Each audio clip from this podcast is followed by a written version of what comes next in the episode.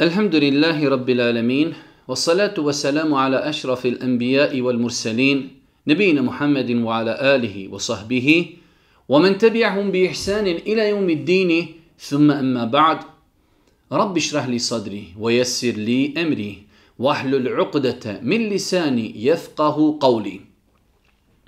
Doista svaka zahvala pripada uzvišenom Allahu الله تبارك وتعالى Salavat mir i selam na Allahu poslanika, Allahu miljenika, Muhammeda, alihi salatu wasalam, njegovu častnu porodcu, njegove uzavte ashave i sve ljude koji slijede put istine do sudnjega dana.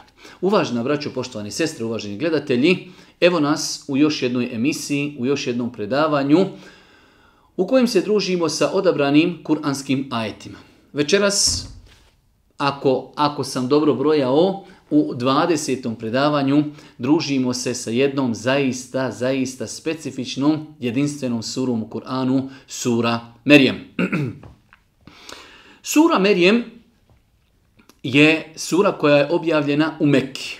Mi smo dosta puta pojašnjavali i govorili da je mnogo bitno da čovjek kada čita Kur'an da zna koja sura je gdje objavljena. Hvala Allahu Đelšanu u našim mushafima, u većini slučajeva kada imamo u poglavlju, znači, odnosno u zaglavlju imamo ime sure, ispod piše gdje je sura objavljena. Pa je mnogo bitno da čovjek koji čita Kur'an zna da li je određena sura objavljena u Mekki ili u Medini. Zašto? Zato što se period života Allahog poslanika ali se letu vaselam u Mekki u mnogome razliku od njegovog života u Medini. Allahog poslanik ali se letu vaselam u Mekki kada je živio bio je potlačen, E, znači to je bio početak poslanstva, pozivanje ljudi da vjeruju u Allaha, da vjeruju u sudnji dan, pozivanje moralnim osobinama. S druge strane, kada Allah poslanik se letu wasalam učinio hijđu u Medinu, tada nastupa jedan potpuno drugačiji period življenja, znači e, osnivanje državi, propisi, halal, haram i tako dalje. Pa je znači period Mekke jedinstven, period Medine je jedinstven. Svaki od ova dva perioda ima svoje odlike, pa je mnogo bitno znati da li je određena sura objavljena u Mekki ili Medini. Sura Merjem objavljena je u Mekki i kao što kažu određeni islamski učenjaci, mufesiri, tumači Kur'ana, njen osnovni i glavni cilj jeste promovisanje jednoći uzvišenog Allaha, monoteizma, tauhida. Znači, na različite načine, na različite aspekte. Pa kažu islamski učenjaci, ponavljamo, e, osnovna i primarna zadaća, primarni cilj surje Merjem jeste pozivanje jednoći uzvišenog Allaha subhanahu wa ta'ala.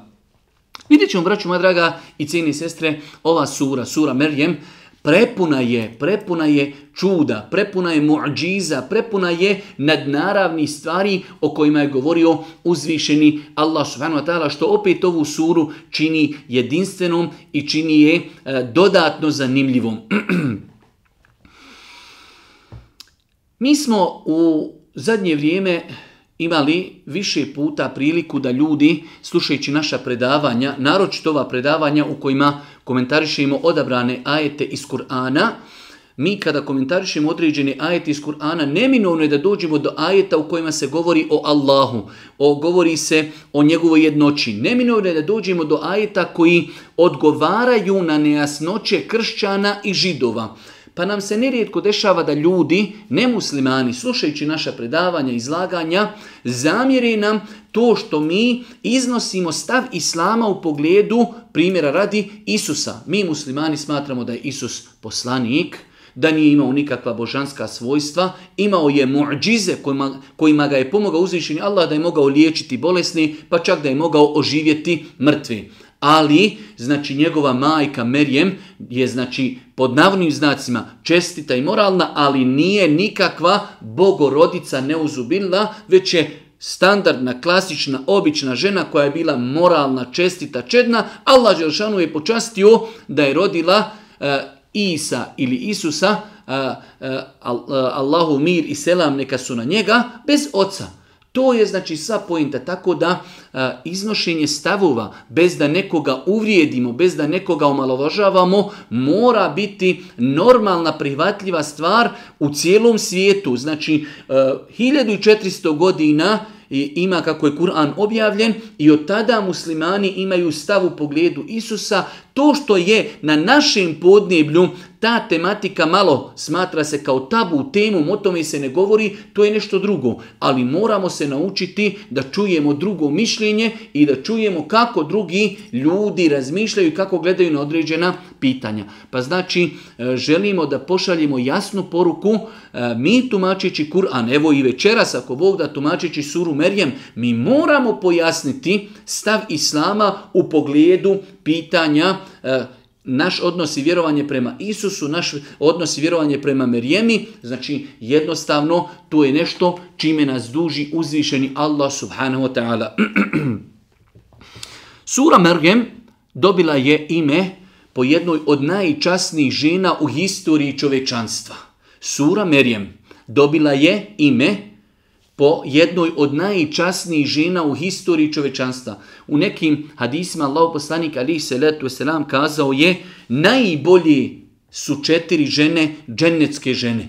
Najbolje su četiri žene Hatidža, radi Allahu ta'ala, supruga Božijeg poslanika, alihi salatu wasalam, Fatima, kćerka Božijeg poslanika, alihi salatu wasalam, Merjema, čerka Imranova i Asija, supruga Faraonova. To su četiri e, znači žene koje Allah poslanik ali se letu ran spomenuo u više vjerodostojnih hadisa da su posebne žene u historiji čovječanstva. Znači, Islam smata, smatra Merjemu, E, majku Isaovu ili Isusovu jednom od najboljih, najčednijih, najpoštenijih, najmoralnijih i najuzoritijih žena, pa je čak do te mjere znači njen stepin visok i velik u islamu do te mjere da jedna sura, jedno poglavlje u Kur'anu nosi ime Merjem po Isaovoj, po Isaovoj majci.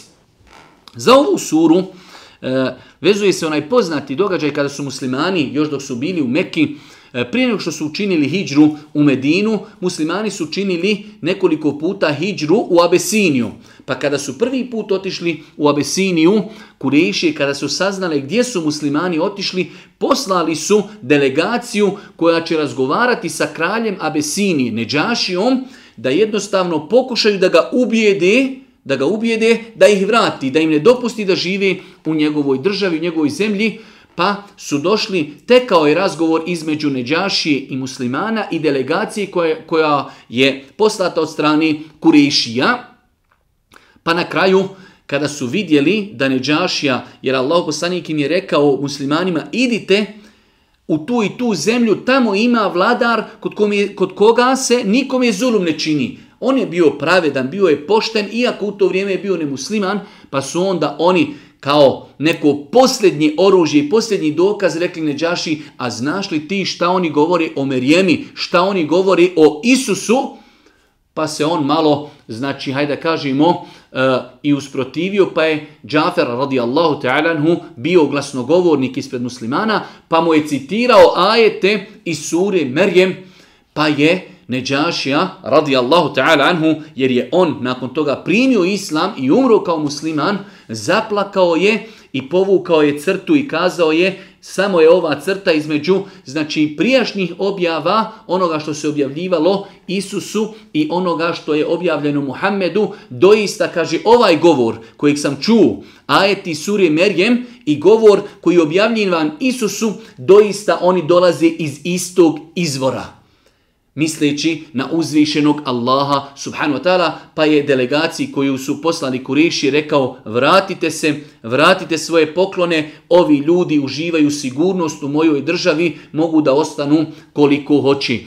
Pa pogledajte, znači ova sura imala jedan veliki trag na Neđašiju do te mjeri da je za u hadisma Buhari i muslima da je Allah poslanik jedne prilike rekao svojim ashabima ustanite, da idemo klanjati namaz dženazu u odsustvu. Danas je u dalekoj Abesini preselio njihov kralj Neđašija, znači preselio je kao, preselio je kao musliman.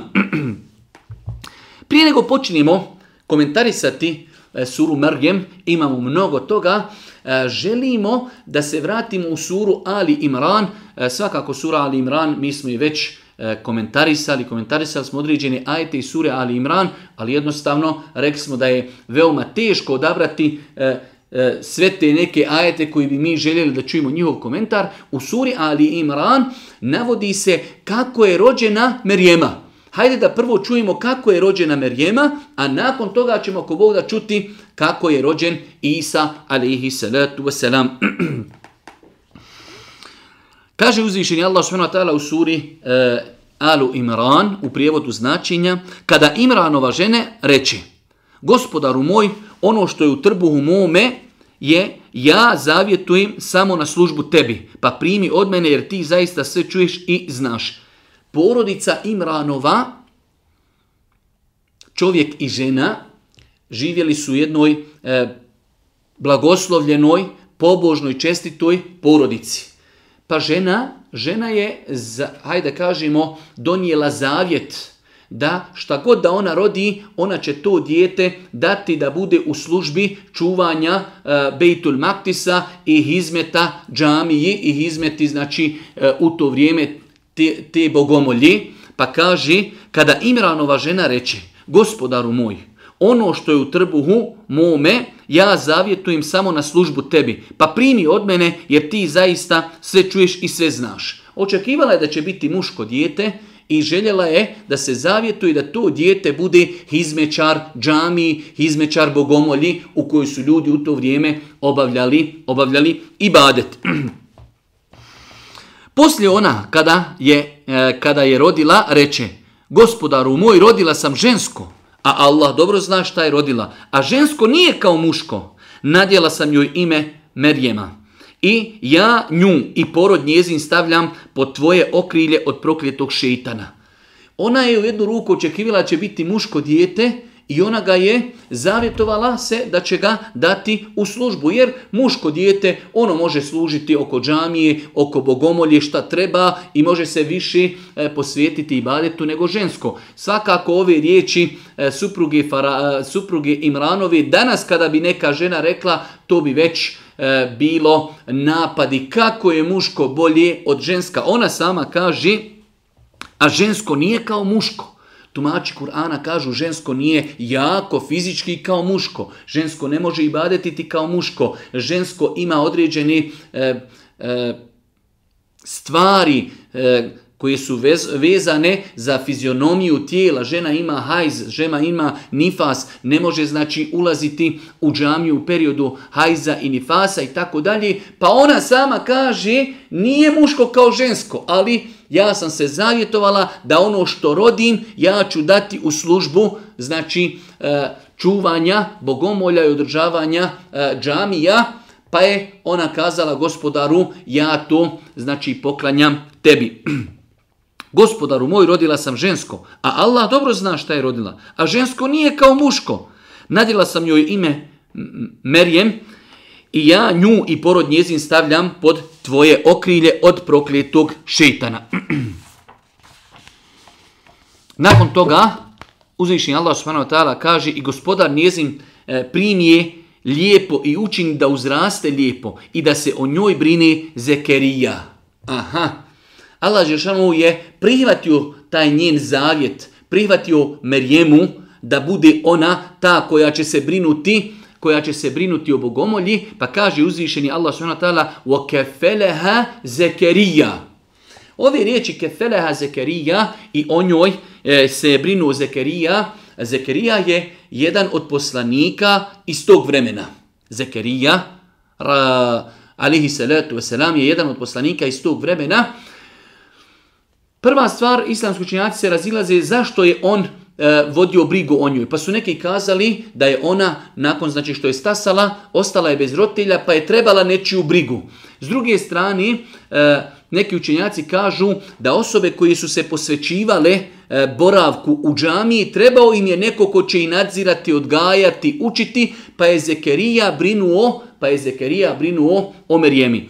Islamski učenjaci kažu e, kroz historiju, a određene stvari potvrđuju hadisi Božih poslanika, ali se letu veselam, da je Zekerija bio oženjen ili Merijeminom sestrom. Znači ona imala sestru, pa je e, znači bila udata za Zekerijahom, alihi salatu veselam, ili je bio oženjen njenom tetkom, to jeste sestrom od njene majke. Ali u svakom slučaju, znači e, između Merijeme i Zekerijaha je bila ta rodbinska veza pa je Zekerija alihi salatu wasalam preuzeo briku o Merijemi. to je ono što je nama bitno da, da zapamtimo.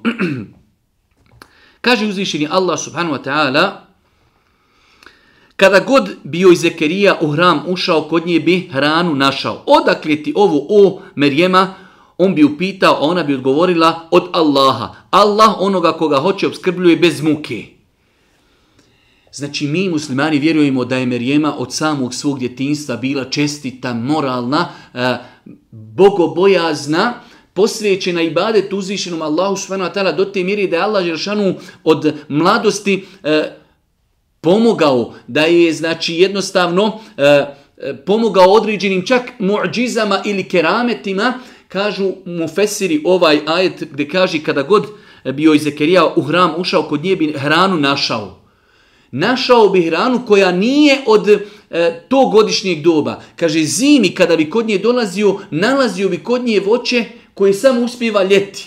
A kada bi kod nje dolazio u ljetnom periodu, nalazio bi voće i povrće koje ima samo u zimskom periodu. Pa je to bio keramet kojeg je Allah Želšanu dao Merjemi još, hajde kažemo, u ranu i mladosti, pa bi se Zekerija začudio, pa kaže Otkud tebi ovo? A ona bi odgovorila od Allaha, Allah onoga koga hoće obskrbljuje bez muki. Nakon toga, kaže uzvišeni Allah subhanahu wa tu Zekerija zamoli gospodara svoga gospodaru moj, reče, podari mi od sebe čestita potomka, jer ti u istinu molbe, jer se ti molbi odazivaš. I dok se on u hramu stojeći molio, meleki ga zovnuše, Allah ti javlja radosnu vijest, rodit će ti se Jahja koji će u Allahovu knjigu vjerovati i koji će prvak biti i čedan i vjerovjesnik potomak onih dobri.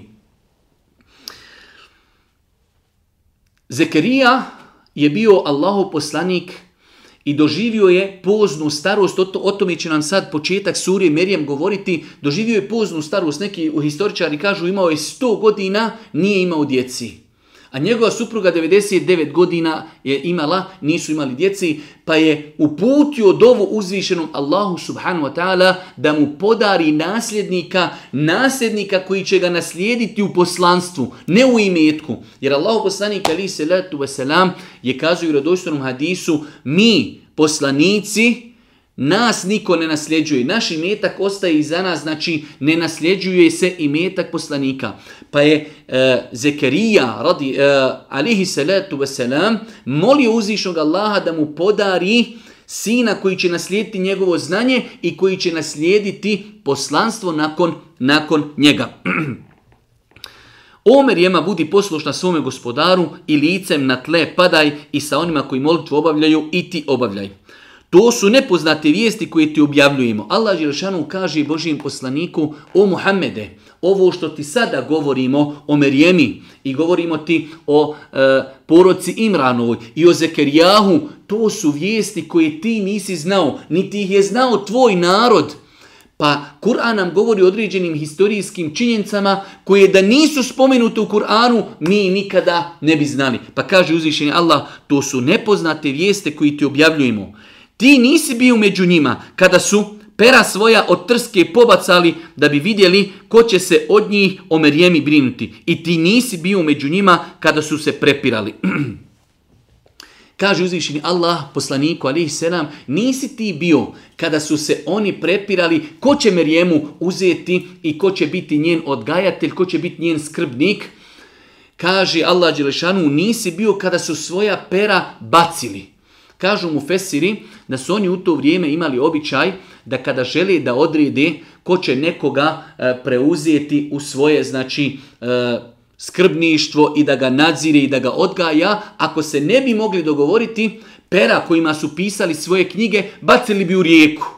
Svakako da rijeka pero je lagano, rijeka ga nosi. Ono pero koje ostani uspravno ili koje krene ići uzvodno, ta osoba ima pravo da uzme određenu osobu koju se oni spori u svoje skrbništvo. Pa se tako desilo oko Merjeme, svi su se natjecali da nju preuzmu, pošto su znali da je iz čestite porodice, znali su da je ugledna, moralna, čestita, pa su se raspravljali. Pa kaže Allah Muhammedu alaihi salatu ti nisi bio tu među njima. Kada su se oni sporili i kada su bacili svoja pera, pa je znači na osnovu toga određeno da Zekerija alihi salatu wasalam preuzme, preuzme odgajanje i brigu nad Merijemom. E, Allah da bude zadovoljan sa njom. A kada, melek, a kada meleki rekoši Omerjema, Allah ti javlja radosnu vijest, od njega riječ, ime će mu biti Mesih, Isa, sin Merjemin, Biće će viđen i na ovom i na onome svijetu i jedan od Allahu bliskih. On će govoriti ljudima još u koljevci, a i kada odraste i bit će čestit. Ona reče gospodaru moj, kako ću imati dijete kada me ni jedan muškarac nije dodirnu. Eto tako reče, Allah stvara što on hoće. Kada nešto odluči, samo zato rekne budi i ono budi. Vratit ćemo se mi poslije događaju e, vezanog za Merijemu i rađanje e, Isa alihi salatu wasalam. U vjerodostojnim hadisima Allahu poslanik alihi salatu wasalam spomenuo je da troje djeci u historiji čovječanstva su pričala u koljevci. Jedno od ti troje djeci kao što je potvrđeno hadisom Božijeg poslanika, a kao što nam poslije i potvrđuje i Kur'an, jedno od ti troje djece jeste i Isa, uh, eh, alihi salatu wasalam, onog momenta kada ga je njegova majka donijela narodu, jer ona kada je zatrudila, ona je se izolovala od ljudi, pa kada je se porodila, donijela je to dijete ljudima, kada su ga vidjeli, iznenadili su se. Kažu šta je to? Ona kaže ja sam se zavjetovala, danas ništa ne govorim, ali evo pitajte njega. Pa je onda progorio, progovorio Isa alihi salatu wasalam, to je bio e, keramet, to je bila muđiza koju je Allah želšanu dao Isao alihi salatu wasalam, da je u koljevci kao malo dijete govorio i ljudima pojasnio da je znači on Allahu subhanu wa ta'ala poslanik.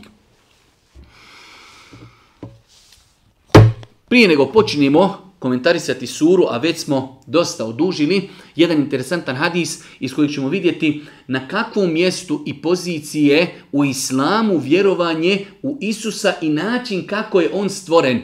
Kaže se u vjerodostom hadisu koji bilježi i Buharija i Muslim od Ubadi ibn Samita se prenosi da je Allah poslanik rekao ko posvjedoči da nema Boga osim Allaha koji nema sudruga i da je Mohamed njegov rob i njegov poslanik i da je Isa, Isus, Allahov rob i poslanik i da je njegova Allahova riječ koju je poslao Merjemi i duh od njega. Te da je džennet istina i da je džehennem istina, Allah će takvog uvesti u džennet ma kakva mu djela bila. Ko posvjedoči da nema Boga osim Allaha, da Allah nema sudruga, da je Muhammed Boži rob i Boži poslanik, da je Isa, Isus, da je Boži rob i da je Boži poslanik, da je on Božja riječ, da je on nastao od Božije riječi budi.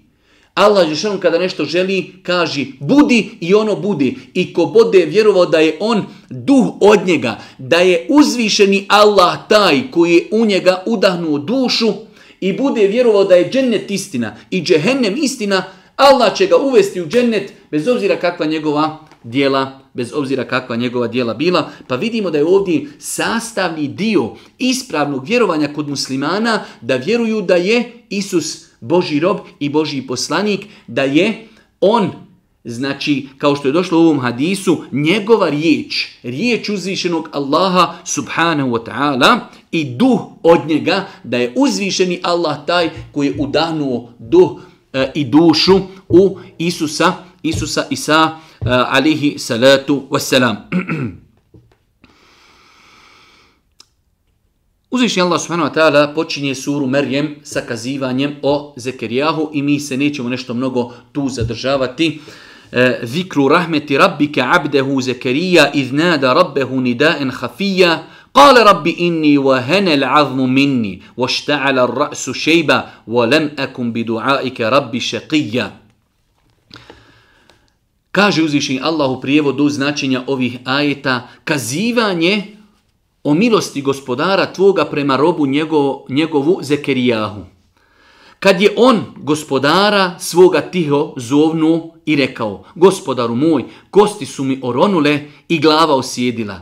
A nikada nisam kada sam ti, gospodaru moj, molbu uputio, nesretan ostao. Allahu ekber. Kako lijep početak sure, Allah Žešanu kaže ovo kazivanje je kazivanje o milosti uzvišenog Allaha koju je on iskazao i kojom je on obasuo svoga roba Zekerijaha, kada je on gospodara svoga tiho zovnu. Allah će nam ovdje govoriti o tome kako je Zekerija, alihi salatu nam tiho u dovi dovio svome gospodaru pa kaže gospodaru moj, kosti su mi oronule, a glava osjedila. A nikada nisam, kada sam ti gospodaru moj molbu uputio, nesretan ostao. Allahu ekber. On zna činjenično stanje Dunjalučku. Ja sam gospodaru ostario. Kosti su već oronule. Sjeda kosa. Žena nerotkinja. Ali, kaže gospodaru, ja nikada nisam kada sam tebi dovu uputio, nesretan ostao. Gospodaru moj, odazovi se mojoj dovi. Imao je tada po nekim historičarama stotinu godina, njegova žena 99 godina, njegova žena 99 godina, nerotkinja, nije rodila dijete. On oronuo, osjedio, ali kaže, kako lijepa stvar, kaže, gospodaru moj, kosti su mi oronule, a glava osjedila a nikada nisam, kada sam ti, gospodaru, moj molbu uputio, nesretan ostao. Allahu ekber, koji je ubjeđenje, koji jeklin, koji oslonac na Allaha. Nikada, o gospodaru, kada sam tebi dovu upućivao, nesretan nisam bio. Pa je molio Allah da mu podari nasljednika koji će ga naslijediti u poslanstvu kao što smo tu već počinili. Pa kaži, bojim se rođaka svojih po krvi poslije mene a žena mi je nerotkinja, zato mi pokloni od sebe sina da naslijedi mene u poslanstvu i porodicu Jakubovu i učini gospodaru moj da budeš sa njim zadovoljan. Allahu ekber. Kaže, ja se bojim svojih rođaka, kako će oni postupati nakon mene, otiće u dalalet, otiće u zabludu, gospodaru moj, podari mi sina. Zato je došlo tamo u drugim kuranskim ajetima da su djeca poklon. Jehebu limen ješa. Allah poklanja. Hiba, poklon, hedija. Allah kada nekome da potomstvo, muško dijete, žensko dijete, blizanci, to su pokloni od uzvišenog Allaha. Pa kaže Zekerija, alihi salatu wasalam, gospodaru pokloni mi, gospodaru pokloni mi od sebe sina, da naslijedi mene u poslanstvu, a i da naslijedi poslanstvo iz porodovi, porodce Jakubovi i učini gospodaru moj da ti sa njim budeš zadovoljan. To je bitna stvar. Da naslijedi ilm, da naslijedi znanje, da naslijedi lozu poslaničku, jer je Zekerija bio, eh, on je bio eh, iz lozi iz potomaka Jakubovi, iz potomaka Jakubovi, pa je tražio od Allaha da se ta loza poslanička nastavi, ali kaže da i ti budeš sa njim zadovoljan. Nemoj da mi bude kao Nuhov alihi salatu selam sin koji nije vjerovao, koji se utopio. Gospodaru, podari mi sina koji će me naslijediti u poslanstvu, imene i porodicu Jakubovu, ali budi ti sa njim, budi ti sa njim zadovoljan. O Zekerija, javljamo ti radosnu vijest da će ti se dječak roditi. Ime će mu Jahja biti. Nikom je prije njega to ime nismo htjeli dati. Allahu ekber. Dolazi odgovor uzvišnog Allah kaže Moštuluk, dolazi ti radosna vijest, rodit će ti se sin. Biće mu ime Jahja i prije njega to ime niko nikada nije imao. Jahja u kršćanskim knjigama oni ga oni ga oslovljavaju sa Ivan Krstitelj koliko je meni, koliko je meni poznato. U svakom slučaju, ovo je znači početak sure Mrjem u kojoj Allah Žešanu počinje govoriti o nekim čudnim stvarima Zekerija, poslanik, ostario žena nerotkinja starije godine, ali im Allah podaruje podaruje potomka u poznim godinama Jahiju koji će biti poslanik, koji će nastaviti tu poslaničku lozu. Nakon toga, kaže uzvišeni Allah, Ja Jahja hudil kitabe bi kuva, wa atinahu l'hukme sabija, wa hanane min ledunna, wa zakaten, wa kane taqija, wa barran bi walidejhi, wa lam yakun asija, o Jahja, prihvati knjigu odlučno. Allah Žešanu kaže Jahja, alihi salatu wasalam, uzmi knjigu, ponesi istinu, ponesi poslanicu čvrsto, bi kuva u arapskom je snaga, odlučno. Takav treba da bude vjernik u životu, da bude odlučan, da bude čvrst, da nosi e, zastavu istine, da se ne dvoumi. Ja, Jahja, hudil kitabe bi kuva, o Jahja, ponesi knjigu, ponesti zastavu istini jako, odvažno i odlučno.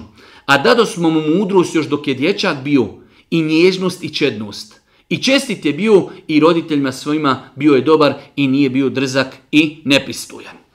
Znači rekli smo da su ovo 15 ajeta u kojima uzvišnji Allah govori o e, događaju sa Zekirijahom, Eh, alaihi selam i kako mu je uzvišni Allah u poznim godinama podario, kako mu je podario potomstvo sina Jahju. Nakon toga počinje naše, naše kazivanje koje mi iščekujemo, kazivanje Merjemi. Jedno od najljepših kazivanja na jednoj stranci Kur'ana imamo sve rečeno vjerniku nakon ove stranice ne treba ništa. Vidjet ćemo na kraju uzvišeni Allah kaže to je to. To je govor o Isau. Ne treba vjerniku ništa više nakon toga. Pa da vidimo kako islam i muslimani gledaju na Isusa. Generalno gledajući, braću dragi cini sestre, kroz historiju, pa i u samom islamu, u mnogo slučajeva ljudi zauzimaju znači dvije krajnosti stav i uvijek je otprilike sredina istina. Pa i u pogledu Isusa, Isa alihi salatu wasalam, imamo krajnost u koju su otišli, u koju su otišli Benu Israil, židovi koji su odbili slijediti Isaa, koji su potvorili njegovu čestitu i uzoritu majku da je rodila dijete kopile, da je to nemoralno dijete. Imamo kršćane koji su otišli sad u drugu krajnost, ako je ta žena rodila poslanika bez oca, onda je to sveta žena, onda je to Tobe Jarabi, bogorodica i ovo je Boži sin. Otišli su jednu drugu krajnost, a Islam niti potvara merjemu kao što su to činili Benu Israili, kao, što, kao što to čine židovi, da je počinila nemoral, niti je kazao da je ona bogorodica neuzubidla, niti da je rodila Božijeg sina. Središnji stav je da je Merijema čestita, uzorita od svoga djetinstva, je znači posjetila svoju mladost uzvišenom Allahu i ibadetu, Allah je počastio time da je zatrudnila bez kontakta sa muškarcom, da je uzvišeni Allah subhanahu wa ta'ala samo rekao budi i ono bude, ona je zatrudnila, uzvišeni Allah je udahnuo dušu u Isa, Isusa i ona je rodila da kažemo normalnog insana bez ikakvih božanskih, bez ikakvih božanskih svojstava, niti ona, niti on su imali kakvih božanskih svojstava, pa je to sredina koju propagira i zagovara islam. Da čujemo šta kaže uzvišeni Allah u suri Merjem, o tome kako se rodio Isus. وَذْكُرْ fil الْكِتَابِ مَرْيَمَ izin تَبَذَتْ min Ehliha Mekanen شَرْقِيًّا Spomeni u knjizi, u Kur'anu, Merjemu, kada se od ukućana svojih na istočnu stranu povukla i jedan zastor da se od njih zakloni uzela. Povukla se od svojih ukućana zastor da bi se mogla posvetiti svome gospodaru i ibadetu. Mi smo k njoj Meleka Džibrila poslali i on joj se prikazao u liku savršenog, savršeno stvorena muškarca. Allah Žešanu je poslao Džibrila alihi salatu wasalam u liku savršenog lijepog muškarca. Merijema nije imala kontakta s muškarcima, moralna, čestita, uzorita, pobožna, iznenadila se, otkud muško, pa kaže Merijema, utječim se, milostivom od tebe, ako se ti njega bojiš, uzviknu ona. A ja sam upravo izaslanik gospodara tvoga, reče on, da ti poklonim dječaka čista. Kalet inni e'udhu bir rahmani minke in kunte Ja se utičem Allahu od tebe, ko si? Ako se bojiš Boga, ostavi me, pusti me. Pa Džibril alihi salatu wasalam kaže Kala innema ene rasulu rabbiki li ehebe leki gulamen zekija a ja sam upravo izaslanik gospodara tvoga, reče on, da ti poklonim dječaka čista. Jasno, znači bez ikakvih zapetljancija, E, Allah Žešanhu u Kur'anu govori o Merjemi i govori o tome kako je e, zatrudnila, kako je došlo da je rodila svoga uzoritog sina Isa alihi salatu wasalam. Kalet enna je kunu li gulam, volem jem sesni bešar, volem eku begija. Kako ću imati dečaka, reče ona, kada me ni jedan muškarac dodirno nije, a ja nisam i prostitutka, nevaljalica, begija, je prostitutka. Ona se čudi. Vidjela je Džibrila alihi salatu wasalam u liku lijepog muškarca. On joj kaže, ja sam izaslanik tvoga gospodara da ti poklonim lijepog, čestitog dječaka. Normalno da je to njoj e, nešto novo, nešto čudno. Vidjela je u životu čudne stvari. Dolazi joj e, ljetni plodovi u periodu zime, zimski plodovi u periodu ljeta, ali ovo nešto, nešto veliko, ogromno. Kako ću imati dijete? Nikada me nije dotakao muškarac, a nisam prostitutka. Kako mogu dobiti dijete? Tako je, to je tako reče on, Džibril. Gospodar tvoj je rekao, to je meni lako i zato da ga učinim znamenjem ljudima i znakom milosti naši. Tako je unaprijed određeno. I ona zanese i bremenita se skloni daleko negdje. Zanese Allahovom riječu budi i ono budi. Allah Đelšanu kada nešto želi samo kaže budi i ono budi. Pa kada je osjetila da je zatrudnila, da je zanijela, kaže bremen da se sklonu daleko negdje, daleko od ljudi. Nakon toga uzvišeni Allah govori period trudnoći nam nije bitan, zato ga uzvišeni Allah i preskočio pa kaže i porođajni bolovi prisiliše da dođe do stabla jedne palmi. Kamo sreći da sam ranije umrla i da sam potpuno u zaborav pala. Znači porođajni bolovi nešto teško, to znaju samo naše majke, naše supruge, kako, kako, kako su teški porođajni bolovi. Pa Allah Jošanu govori o tom, o tom momentu da bi svi mi na kraju krajeva u jednu ruku shvatili kako je teško jednoj ženi na porodu da bi djeca sutra bila zahvalna svojoj majci zbog svega što je prodeverala noseći dijete i od, zbog bolova koje je osjetila na porodu, pa kaže i porođajni bolovi prisiliše da dođe do stabla jedne palmi. Kamo sreći da sam ranije umrla i da sam potpuno zaborav pala. Toliki bolovi kaže kamo sreći da sam umrla i da sam u zaborav pala. Uzniknu ona. I melek je, koji je bio niže nje zovnu. Ne žalosti se, gospodar tvoj je dao da niže tebe potok poteče. Nakon toga, pogledajte žena u porođajnim bolovima. Prvi put se porađa, sama, nema niko, nema niko kod nje. Težak moment, kaže uzvišeni Allah, وَهُزِّي إِلَيْكِ بِجِذْعِ النَّخْلَ تُسَاقِتْ عَلَيْكِ رُطَ جَنِيًّا Zatresi palmino stablo, posuće po tebi datule svježe, pa jedi i pi i budi vesela. Allahu ekber. Pogledajte, ovo su, ovo su pravila dunjalučkog uspjeha. Nije dovoljno da čovjek dovi i da kaže ja rab daj mi. Daj mi, a onda poduzmi sve što možeš. Merjema, u takvoj teškoj situaciji, porođajni bolovi, kaže, kamo sreći da sam umrla. Allah joj kaže, ustani, Uzmi stablo palmi. Mi koji smo bili u arapskom svijetu i drugi ljudi koji dole žive znaju da stablo palmi deset ljudi da potrese ne može ništa sa njega pasti. Žena, ona je možda u tom periodu imala 18-20 godina, Potresi palmu, daj nešto ti od sebe, daj da uzvišeni Allah vidi tvoju spremnost. Potresi palmu, nije ona rekla, pa ja rab, ja sam žensko, ja trudna, porađam se, kako ću ja da potresem palmu?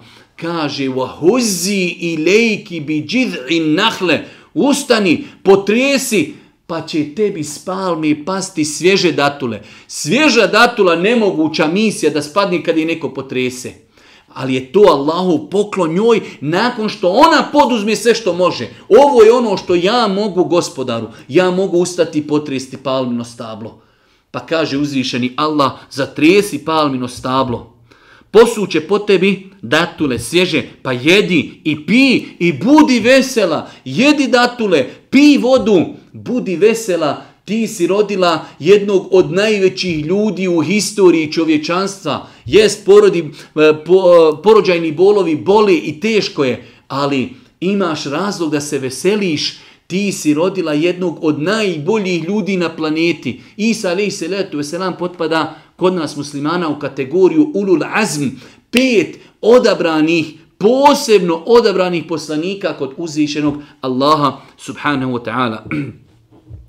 Ako vidiš čovjeka kakva, reci, ja sam se zavjetova milostivom da ću šutjeti i da danas ni s kim neću govoriti. Allah Žešanu je podučava, ako nekoga vidiš, nekog insana, ti reci, ja sam se danas zavjetovala da neću ni s kim, da neću pričati. Allah Žešanu daje smjernice Merjemi, priprema teren, jer mi smo, kad smo govorili o suri Jusuf, kad smo govorili o mnogim drugim znači, e, događajima u Kur'anu, Allah Đerašanu, kada nešto želi, on pripremi za tu situaciju. Jusuf Ali Selam u zatvoru, kralj tog vremena ugledao je san kojeg ne zna niko protumačiti. Jusuf u zatvoru, onaj čovjek koji sa njim bio u zatvoru sjetio se da Jusuf zna tumačiti snove. Odlazi po Jusufa, Jusuf protumačio san, pa je to bio razlog da iziđe na slobodu. Pogledajte kada Allah želi nešto, on pripremi za to situaciju. Pa ovdje uzvišeni Allah, jer će Isa ali se nam govoriti u koljevci. Kaže uzvišeni Allah, ako sretniš nekog insana, reci ja sam se zavjetovala. Ja danas ne pričam. Jedina opcija je, evo pričajte s djetetom. pa je se tako i desilo. Fe etet bihi qavmeha tahmiluh. Kalu ja Marjamu lekad džiti šejen ferija ja uhte Harun. Ma kane ebuki mrae sev. وما كانت أمك بغية فأشارت إليه قالوا كيف نكلم من كان fil المهدي صبيا I dođe ona s njim. Dođe Merijema svojim djetetom. Rodila ga. Od Allaha. rodila ga, nosi ga, ide svome plemenu i svojoj porodici. O, Merjemo, rekoše oni, učinila si nešto nečuveno. Otkud ti dijete? Uradila si nešto čudno, iako je znaju svi po moralu, čednosti, pogobojaznosti i badetu, nosi dijete, otkud ti dijete, učinila si nešto veliko, ferija, nešto krupno, nepoznato. Ja uhte Harun, Ej ti koja u čednosti ličiš Harunu, otac ti nije bio nevaljao, a ni mati tvoja nije bila prostitutka i nevaljalica, a ona na njega pokaza kako da govorimo djetetu u Bešici, rekoši oni. Allahu ekber, koji razgovor? Kakav razgovor? Merjema dolazi svom narodu, bila je se izolovala od njih, nosi dijete. Oni pitaju, šta je to, uradila si nešto veliko? onda joj spominju njene osobine. Ja uhte Harun. U to vrijeme ljudi, kada bi neko bio pobožan, govorili su za njega Harun. Kažu je se, u to vrijeme bio jedan čovjek koji je bio mnogo pobožan, zao se Harun. Nije to Harun, brat Musaov, svi mu Fesiri to kažu. Bio je čovjek u to vrijeme kada je živjela Merjema, zvao se Harun, koji je bio mnogo pobožan do te mjere da ljudi kada bi nekog drugog vidjeli pobožnog, kazali bi mu Harune. Do te je to ime tada bilo u modi da neki mu fesiri navode kada je taj Harun, pobožnjak, umro, 40.000 ljudi sa imenom Harun došlo je njemu na dženazu.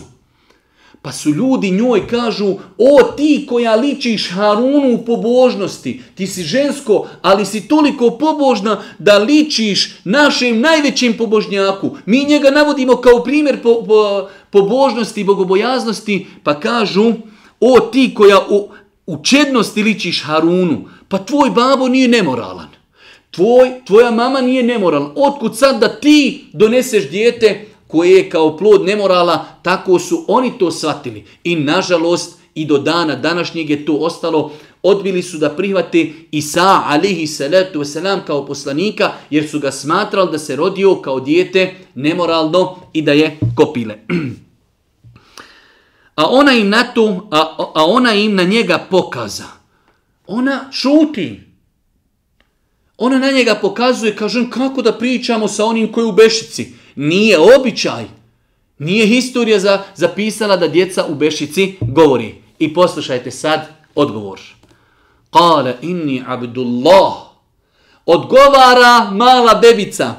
Isa alihi salatu wasalam, Isus govori u Koljevci, to je jedno od troje djeci za koje je Boži poslanik kazao da su progovorili u Koljevci Inni abidullah. Prve riječi koje je rekao, nije rekao ja sam Bog niti je rekao ovo, a moja majka je bogorodica. Ne, inni abidullah, ja sam Allahov rob. Završena stvar. Kur'an je najistinitiji govor koji postoji. Allah Đelešanu kaže prve riječi i saove kada je bio beba su bile inni abidullah atani el kitabe vođalani nebija ja sam Allahov rob Dao mi je, dat će mi u budućnosti knjigu, ja ću biti poslanik, imat ću knjigu koja će mi biti objavljena i ja ću biti jedan od njegovih vjerovjesnika, vjerovjesnika uzvišnog Allaha. Kaži, ja sam Allahov rob. Ono reče, dijete, meni će on knjigu dati i vjerovjesnikom me učiniti. Učinit će me gdje god da budem blagoslovljenim i naredit će mi da dok sam živ molitvu obavljam i zekija dajem i da majci svojoj budem dobar a neće mi dopustiti da budem drzak i nepristojan. I neka je mir. Nada mnom na dan kada se rodim i na dan kada budem umro i na dan kada budem iz mrtvi ustajao. Ovi ajeti su, znači, e, šlag. Ovi ajeti su odgovor na neispravna razumijevanja koje Isa, alaihi salatu wasalam, koje on govori o, o sebi. Kale inni abdullah ja sam Allahov rob, kao što su svi drugi poslanici bili Allahovi robovi. Svi mi na planeti smo Allahovi robovi. Uzvišeni Allah je gospodar zemlje i nebesa, on nema suprugu, niti on ima potomstvo. On Allahu, ehad, reci Allah je jedan, jedinstven. Allahu samed, on je utočište svakom. Lem jelidu lem juled. Nije rođen, niti je rodio. Nije rođen, niti je rodio. Volem je kullahu ven ehad. Njemu niko rava nije. Pa kaže uzvišeni Allah, Kale inni Abdullah, rekao je Isa alaih salatu wasalam, ja sam Allahov rob, reče ono, dijete. Meni će on knjigu dati i vjerovjesnikom me učiniti. I učinit će me gdje god da budem blagosloven. Kažu učenjaci, ovo učinit će me Mubaraken inima kun, da budem blagoslovljen gdje god da budem, ljude ću podučavati hajru. Najveći blagoslov jeste da insan drugim ljudima prenosi znanje. Pa Isa ali selam o sebi kaže, ja sam Allahov rob, on će mi dati knjigu, on će me učiniti poslanikom, on će me učiniti blagoslovljenim, gdje god da dođem, da ljude podučavam i da ih pozivam dobro. I naredit će mi da dok sam živ, molitvu obavljam i zekija da dajem. U to vrijeme i Isau je naređen namaz, i Isau je naređen zekijat, kao što je naređeno i nama u današnje vrijeme, i da majci svojoj budem dobar. I neka je mir nadamnom, na dan kada sam se rodio, dan kada sam se rodio, i kada budem umro, i kada budem iz mrtvi ustajao. Mi muslimani, mi muslimani vjerujemo kao što je došlo spomenuto u drugim surama, Isa alaih salatu wasalam nije razapet, ولكن شبه لهم Ali im se je pričinilo وما قتلوه وما صلبوه Nisu ga ni ubili, nisu ga ni razapili. ولكن شبه لهم Uzvišeni Allah je Isa uzdigao. Pred sudnji dan Isa se letu selam po našem muslimanskom vjerovanju, kao što to potvrđuju jer hadisi, Biće spušten i živjet će 40 godina živjet će po šerijatu i vjerozakonu Muhammeda alihi salatu wasalam, nakon toga, nakon 40 godina boravka na zemlji, umrijeće kao što i umiru svi drugi ljudi, muslimani će mu klanjati, muslimani će im uklanjati džennazu. Pa ovdje kaže Isa alihi salatu wasalam, neka je blagoslov na mene kada sam se rodio, kada umrem, i kada budem ponovo proživljavan, kada budem proživljen sa svim ostalim ljudima na sudnjem danu. Pa i Isa ali se letu veselam sam za sebe kaže da je rođen, da će umrijeti i da će biti proživljeni. Kako Bog može umrijeti? Kako Bog može biti proživljen? Kako Bog može kazati za sebe ja sam Allahov rob? Pa je znači ovo znači kratko pojašnjenje Kur'ana ko je Isa alihi salatu wasalam i kako je došlo do njegovog rađanja. Nakon toga 34. 5. 6. 7. ajet rezime kaže uzvišeni Allah velike Isa ibn Marjem qaul al haqq alladhi to je Isa sin Marjanin to je prava istina o njemu onaj u koga oni sumnjaju evo ovo što ste čuli o narode o čovječanstvo, ovo je istina od uzvišenog Allaha stvorite na zemlji i nebesa o Isusu. Onaj ko želi da od svoga gospodara sazna šta je bilo i kako je se rodio Isa ali se letu nam evo njegov gospodar mu odgovara pa kaže velike Isa ibn Marijem kaulel haqi levi fihi imtarun, To je Isa, sin Merjemin to je prava istina o njemu, onaj u koga oni sumnjaju. Imaju različite stavljove, ovo je ispravan stav kojeg uzvišeni Allah objavljuje da bi ljudi shvatili i da bi ga širili i da bi njemu pozivali druge. Nezamislivo je da Allah ima dijete. Allah odgovara nakon što je spomenuo događaj o Isusu, ovo je istini događaj, ovo je istina o Isusu, kaže uzvišeni Allah, ma kane lillahi jettehide min walad, subhane, nezamislivo je da Allah ima dijete, valje nekaj on. Kada nešto odluči, on zato samo rekne budi i ono budi.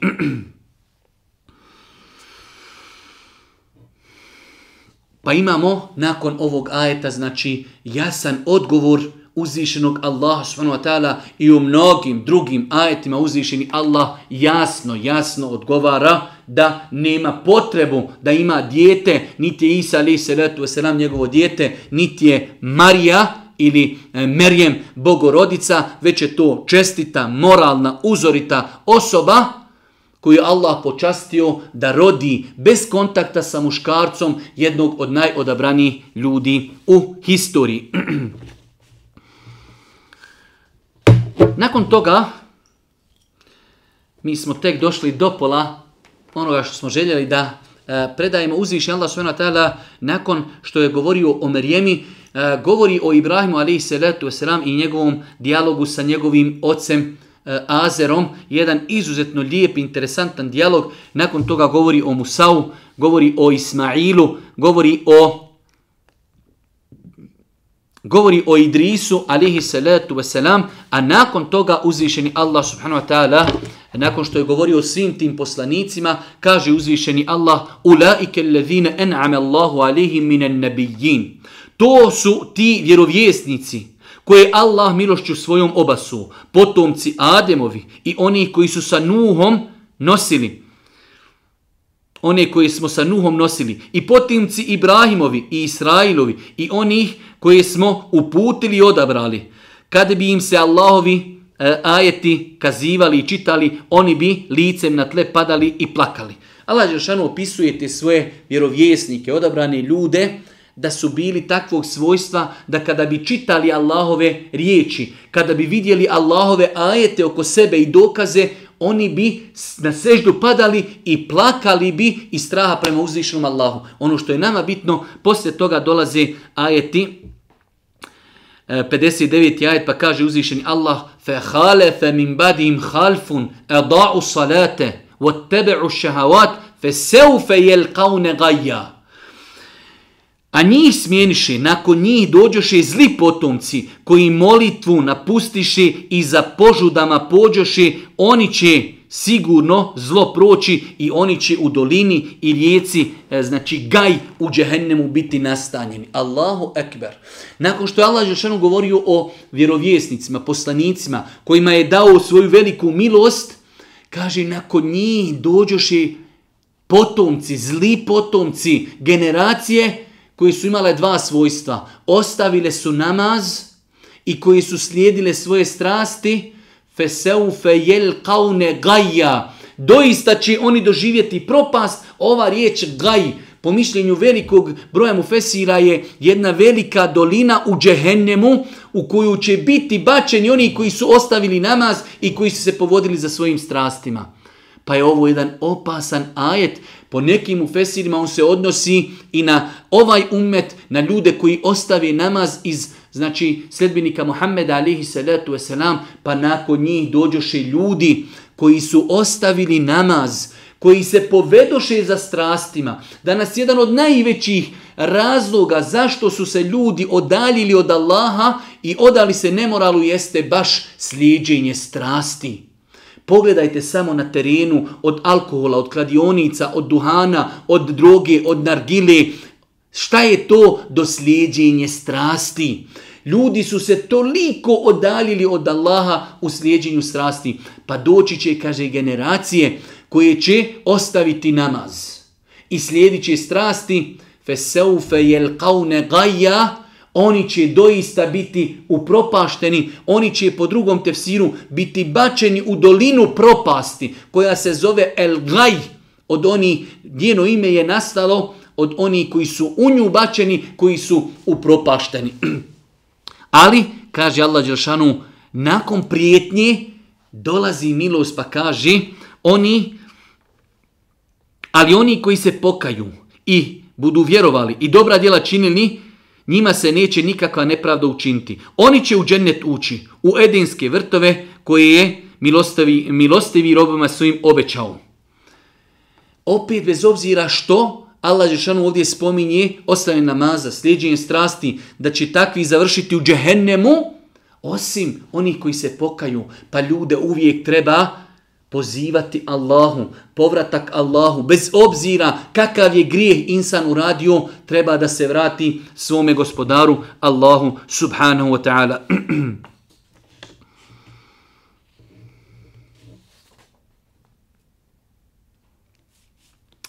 Nakon toga, uzvišeni Allah subhanahu wa ta'ala u ajetima od 85. pa nadalje opet govori o sumnjama ljudi koji govori da uzvišeni Allah subhanahu wa ta'ala ima dijete, odnosno da je Isa alaihi salatu selam Allahov sin, pa kaže uzvišeni Allah subhanahu wa ta'ala onoga dana kada čestiti bogobojazni kao delegacije stanu pred milostivog u skupovima. A kada u džehennem žedne griješnike potiramo, niko se ni za koga neće moći zauzimati osim onoga kome milostivi dopusti. Oni govori, milostivi je uzeo dijete. Aha, Stanovnici vatri, nevjernici, oni govori milostivi je uzeo sebi dijete. Mi smo više puta pojašnjavali naši, e, naše komšije, nerijetko slušajući naša predavanja, nemuslimani kažu zašto vi nama kažete da smo nevjernici? Mi vjerujemo. Vjeruju na način kojeg ne odobrava Kur'an. Kur'an vjernicima smatra oni koji vjeruju kako naređuje uzvišeni Allah u Kur'anu. To su vjernici. Oni koji ne vjeruju kako se naređuju u Kur'anu, njih Kur'an naziva nevjernicima bez obzira što oni u nešto vjeruju. Apsolutno u nešto vjeruju. Ali Allah Žešanu kaže u Kur'anu na drugom mjestu Lekad keferan levine kalu inna Allahe thalithu Doista nevjernici su oni koji kažu Allah je jedan od troje. Allah jasno kaže, oni vjeruju u to, ali je to nevjerstvo po kuranskim principima. Pa kaže uzvišeni Allah, oni govore, milostivi je uzeo dijete. Vi doista nešto odvratno govorite. Gotovo da se nebesa raspadnu a zemlja provali i planine zdrobe, što milostivom pripisuju dijete. Pogledajte tako vam Allaha kako i na koji način uzvišeni Allah opisuje taj njihov govor, taj širk, pripisivanje Allahu sudruga, da Allah ima potrebu za ženom, da ima dijete, kaže uzvišeni Allah, gotovo da se nebesa raspadnu, a zemlja provali, a planine zdrobi, što oni milostivom dijete pripisuju. Toliko je to krupna riječ u islamu, da se kaže da Allah ima dijete, kaže gotovo da se nebo sruši da zemlja raspukni, da se planine sravne sa zemljom od težine tog, od težine tog grijeha. Allahu ekber. Allahu ekber. Doista e, nećete naći u Kur'anu, niti u sunetu Božih poslanika, da za određen grijeh uzvišenja Allah govori o, e, na ovakav način. Gotovo da se nebesa raspadnu, a zemlja provali i planine zdrobe, što milostivom pripisuju, što eh, milostivom pripisuju dijete. Nezamislivo je da milostivi ima dijete. Ta svi će oni, i oni na nebesima i oni na zemlji, kao robovi u milostivog tražiti utočište. On ih je sve zapamtio i tačno izbrojao i svi će mu se na sudnjem danu doći pojedinačno.